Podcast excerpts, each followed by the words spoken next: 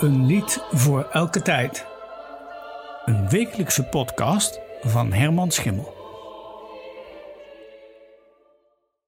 Vandaag laat ik je kennis maken met de Marcus Passion van Charles Wood. Die is ontstaan in 1920.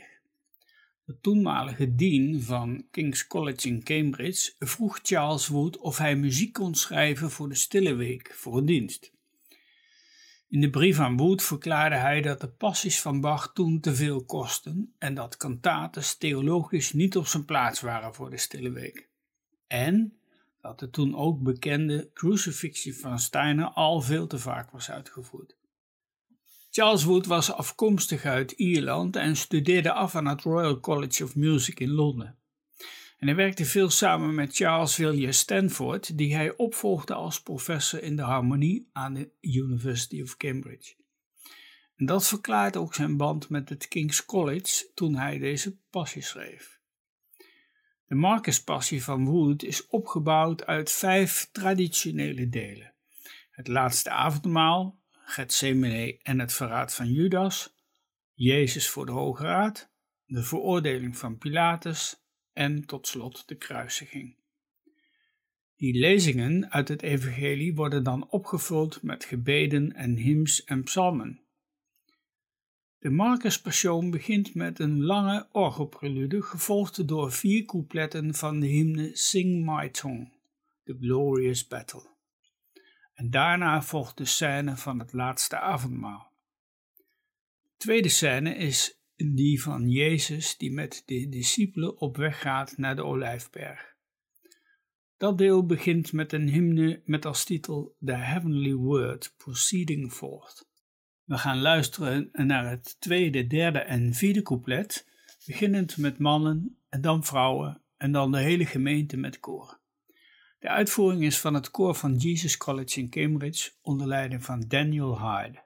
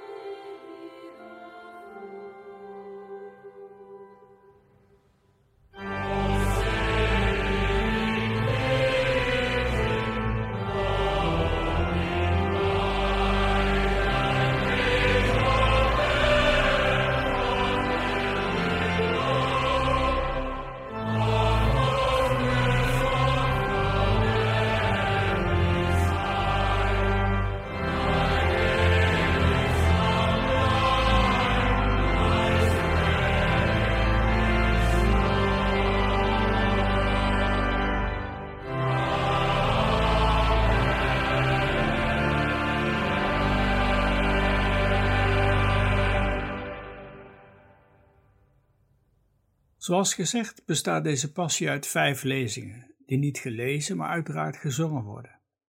Het laatste deel is helemaal a cappella. In het hele stuk speelt het orgel een prominente rol, maar niet in dit deel van het evangelie waarin Jezus ter dood wordt gebracht. Dat begint met de woorden And they bring him into the place Golgotha. De evangelist vertelt daar in afwisseling met het koor dat hier net zoals vorige week in de Passie van Macmillan, ook een vertellersrol heeft. Laten we daar maar even naar gaan luisteren. And they bring him into the place Golgotha, which is being interpreted the place of a skull.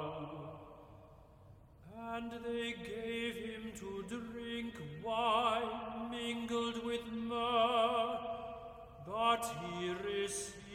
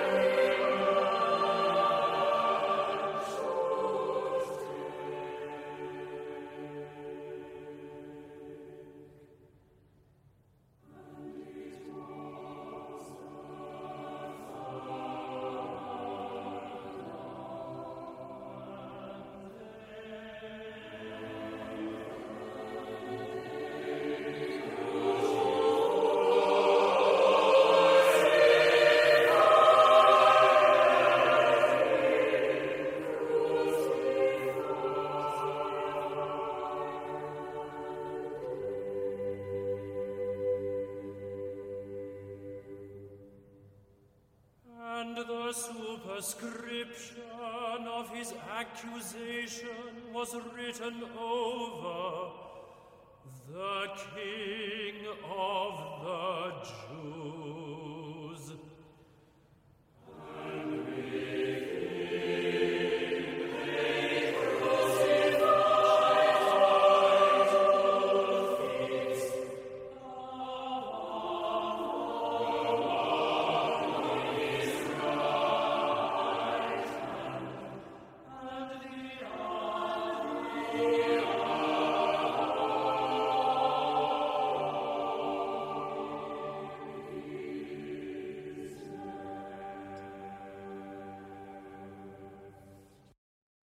De Marcuspassie van Wood bestaat dus uit vijf delen die ook afgesloten worden met een hymne waarin de kerkgangers mee mogen zingen.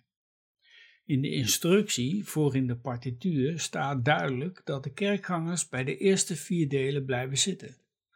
Maar ze mogen wel gaan staan bij de hymns en die mogen ze dan ook meezingen, bij de verzen waar een sterretje bij staat.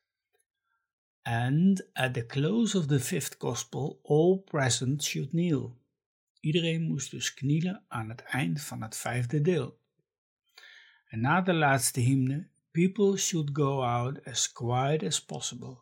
Graag zo stil mogelijk de kerk verlaten.